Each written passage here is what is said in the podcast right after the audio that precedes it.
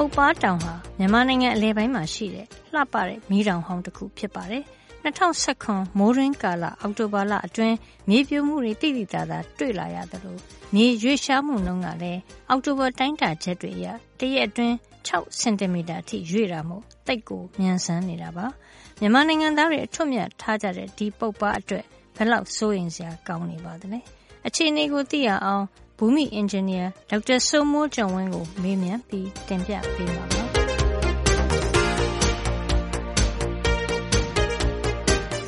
ပြိုတယ်ဆိုတဲ့နေရာကရင်ထဲက ပြိုပူးပြီးသားနေရာလေ အဲ့နေရာမှာ ထပ်ပြီးတော့ ထပ်ရွေ့သွားတဲ့ သဘောပေါ့နော် တောင်ကလပ်ကိုသွားတဲ့လမ်း ပုပ်ပွားတောင်ကလပ် မရောက်ခင်မှာတော့အစင်းလေးရှိတယ် အဲ့ဒီနေရာလေးမှာ ပြိုတာဖြစ်ပါတယ် ဒါမှမဟုတ်အဲ့နေရာတွေမဟုတ်ဘူးဒီကျွန်တော်တို့သွားတော့ကတော့ဒီပုပ်ပွားတောင်ကလပ်နားမှာအောက်မှာလည်းကျွန်တော်တို့မြေပြိုတာတွေ တွေ့ခဲ့ပါတယ် အဲ့တော့ မြေပြိုတဲ့နေရာကတော့ ကျွန်တော်ရောက်ခဲ့တော့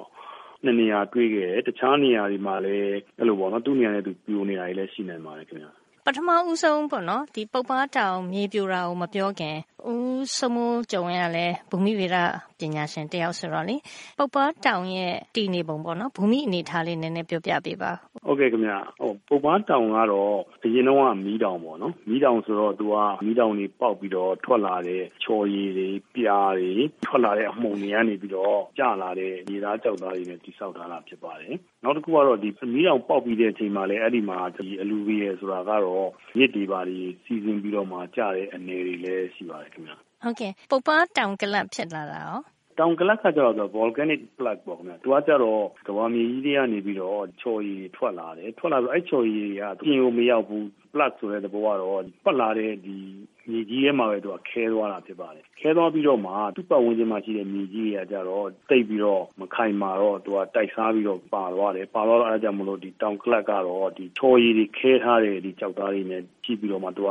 ထောင်ထောင်ကြီးပေါ့နော်ဒီဘေးမှာရှိတဲ့ဒီမြေသားတွေလည်းသူကမြင့်နေတာဖြစ်ပါတယ်ဒီတောင်မကြီးကလည်းအရင်တော့ဒီမီးတောင်ပေါက်ပြီးတော့ပွင့်ထားတဲ့တစ်ဖက်ကနေပြီးတော့ပွင့်ထားတာပေါ့ခင်ဗျာအဲဒါကြောင့်မို့မြင်းခွာပုံဖြစ်နေတာပါဟုတ်ကဲ့ဘာအကြောင်းတွေကြောင့်များပြိုတာလဲနည်းနည်းသိပြရစီ ဟုတ်ကဲ့ဟိုမြေပြိုတယ်ဆိုတာကတော့ဘာဝဖြစ်စဉ်ပါပဲခင်ဗျာ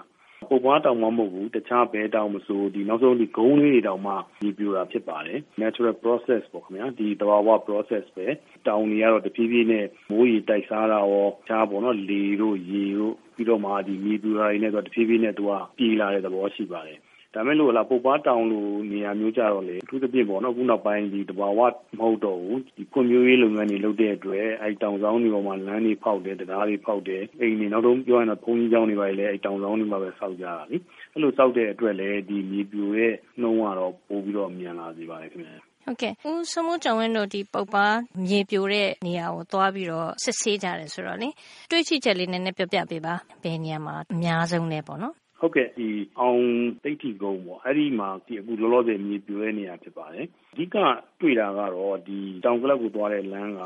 မီတာ120လောက်ကသူကနှိမ့်ဆင်းသွားပါတယ်နှစ်ပေလောက်နှိမ့်ဆင်းသွားတယ်ပြီးတော့မှအဲ့ဒီမြေပြိုတဲ့ဇုံကကျွန်တော်ရောက်တော့ကကျွန်တော်တိုင်းတာထားတာကတော့ကျယ်ကတော့မီတာ130လောက်ရှိတယ်အရှည်ကတော့မီတာ280လောက်ရှိပါတယ်ဒီမြေပြိုတဲ့ပုံကတော့ကြက်ဥပုံမျိုးလေးပေါ့သူ့ပုံစံလေးက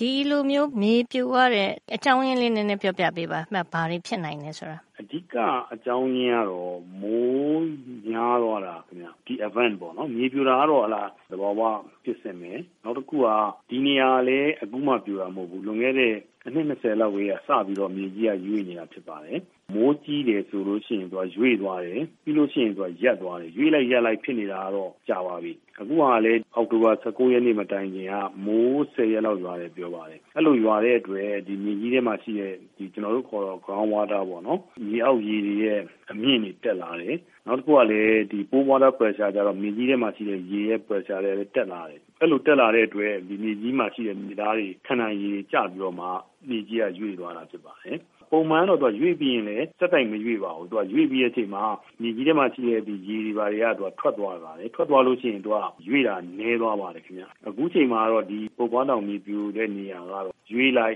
ရေ pressure ကျသွားရင်နည်းနည်းလေးရက်သွားလိုက်တကယ်လို့မိုးတကာထက်ကြီးလို့ရှိရင်ထပ်ရွေ့နိုင်ပါလေဒီနေရာမှာလူတွေလည်းနေနေကြတယ်ဘုံကြီးကျောင်းတွေလည်းရှိတယ်ဆိုတော့ဒီနေရာမှာအန်ဒီရမဖြစ်အောင်ဘာတွေလုပ်တင်တယ်လို့အကြံပေးချင်ပါလဲရှင်လုပ်เสียတွေကတော့နီးမျိုးမျိုးရှိပါတယ် ပထမဆုံးအနေနဲ့ကတော့ ကျွန်တော်တို့ကလည်း အခုမှ preliminary ပေါ့ဒီမှာခဏပဲ ကျွန်တော်တို့က ဆင်းခဲ့တာလေ အခုချိန်မှာတော့ movement rate ဆိုတာဒီဘလောက်ရွေ့နေလဲဆိုတာကိုတော့ စပြီးတော့ တိုင်းတာနေပါတယ် ဆက်လက်ပြီးတော့မှဟာတကယ်စနစ်တကျ လေ့လာမယ်ဆိုရင် ကျွန်တော်တို့ တွင်းနေတူရမယ် တွင်းတူပြီးတော့မှ မြေသားကိုကြည့် ကြည့်ပြီးတော့ ဘယ်နေရာမှာ ပြိုနေတာလဲ ပြက်ရွေ့တွေကဘယ်နေရာမှာဖြစ်နေတယ်ဘယ်လောက်နဲ့တယ်ဒါတွေကိုကျွန်တော်တို့လေ့လာပြီးတော့မှရွေ့တာကိုရပ်သွားအောင်ဒါမှမဟုတ်လည်းညှော့နေသွားအောင်ဘယ်လိုပြုပြင်တင်နေဆိုတာတွေလုပ်လို့ရပါတယ်အဓိကတော့အောက်မှာမြေပြိုနေတဲ့ဇုံတွေကိုဝင်နေတဲ့ရေကိုညှော့နေအောင်လုပ်ရပါမယ်နောက်တစ်ခုကတော့အဲ့ပတ်ဝန်းကျင်မှာကျွန်တော်ရောက်တော့တွေ့ခဲ့တာကတော့ဒီတဘာဝရေစီးဆင်းတဲ့ချောင်းတွေပေါ့ခင်ဗျာအဲ့ဒါတွေကလည်းလမ်းနေအိမ်နေစောက်လိုက်တဲ့အတွက် ပျောက်ကုန်ပါတယ် ပျောက်ကုန်တော့ ဒီတောင်ပေါ်ကနေ ကျတဲ့ရေတွေက အကုန်လုံးက အခုဆိုရင် ကျွန်တော်တွေ့တာတော့ဒီပြိုနေတဲ့နေရာတွေကို စီးဝင်နေပုံရပါတယ် ဆိုတော့ အဲ့ဒါတွေကိုလည်း ကျွန်တော်တို့က စနစ်တကျနဲ့ လေ့လာပြီးတော့မှ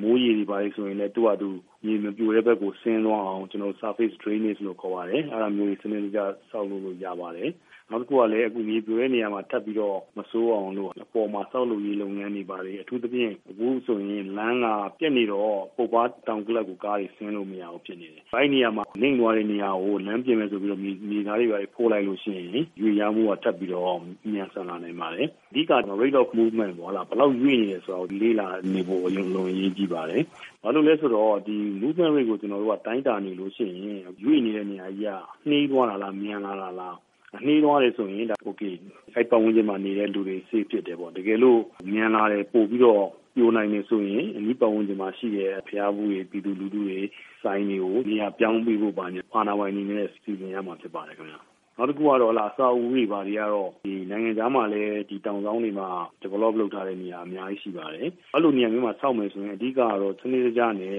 ဘယ်လိုစောက်တင်နေစောက်တဲ့အခါမှာလည်းဒီရေပြိုမှုကိုပို့ပြီးတော့မဖြစ်စေဘဲနဲ့เนาะဒီစနစ်တကျဒီစောက်မယ်ဆိုလို့ရှိရင်ပြိုတဲ့နှုံးရော့တာတို့တော့ထပ်မပြိုအောင်လုပ်တာတို့အလိုထားပြုနိုင်ပါတယ်ခင်ဗျာ။ဒေါက်တာစိုးမိုးကျော်ဝင်းရဲ့ပြောကြားချက်နဲ့ပဲ ဒီသတင်းပတ်အတွက်သိပ္ပံနဲ့ဤပညာကဏ္ဍကိုဒီမှာပဲရန်နာလိုက်ပါရစေနောက်တစ်ပတ်မှာပြန်ပြီးဆုံကြအောင်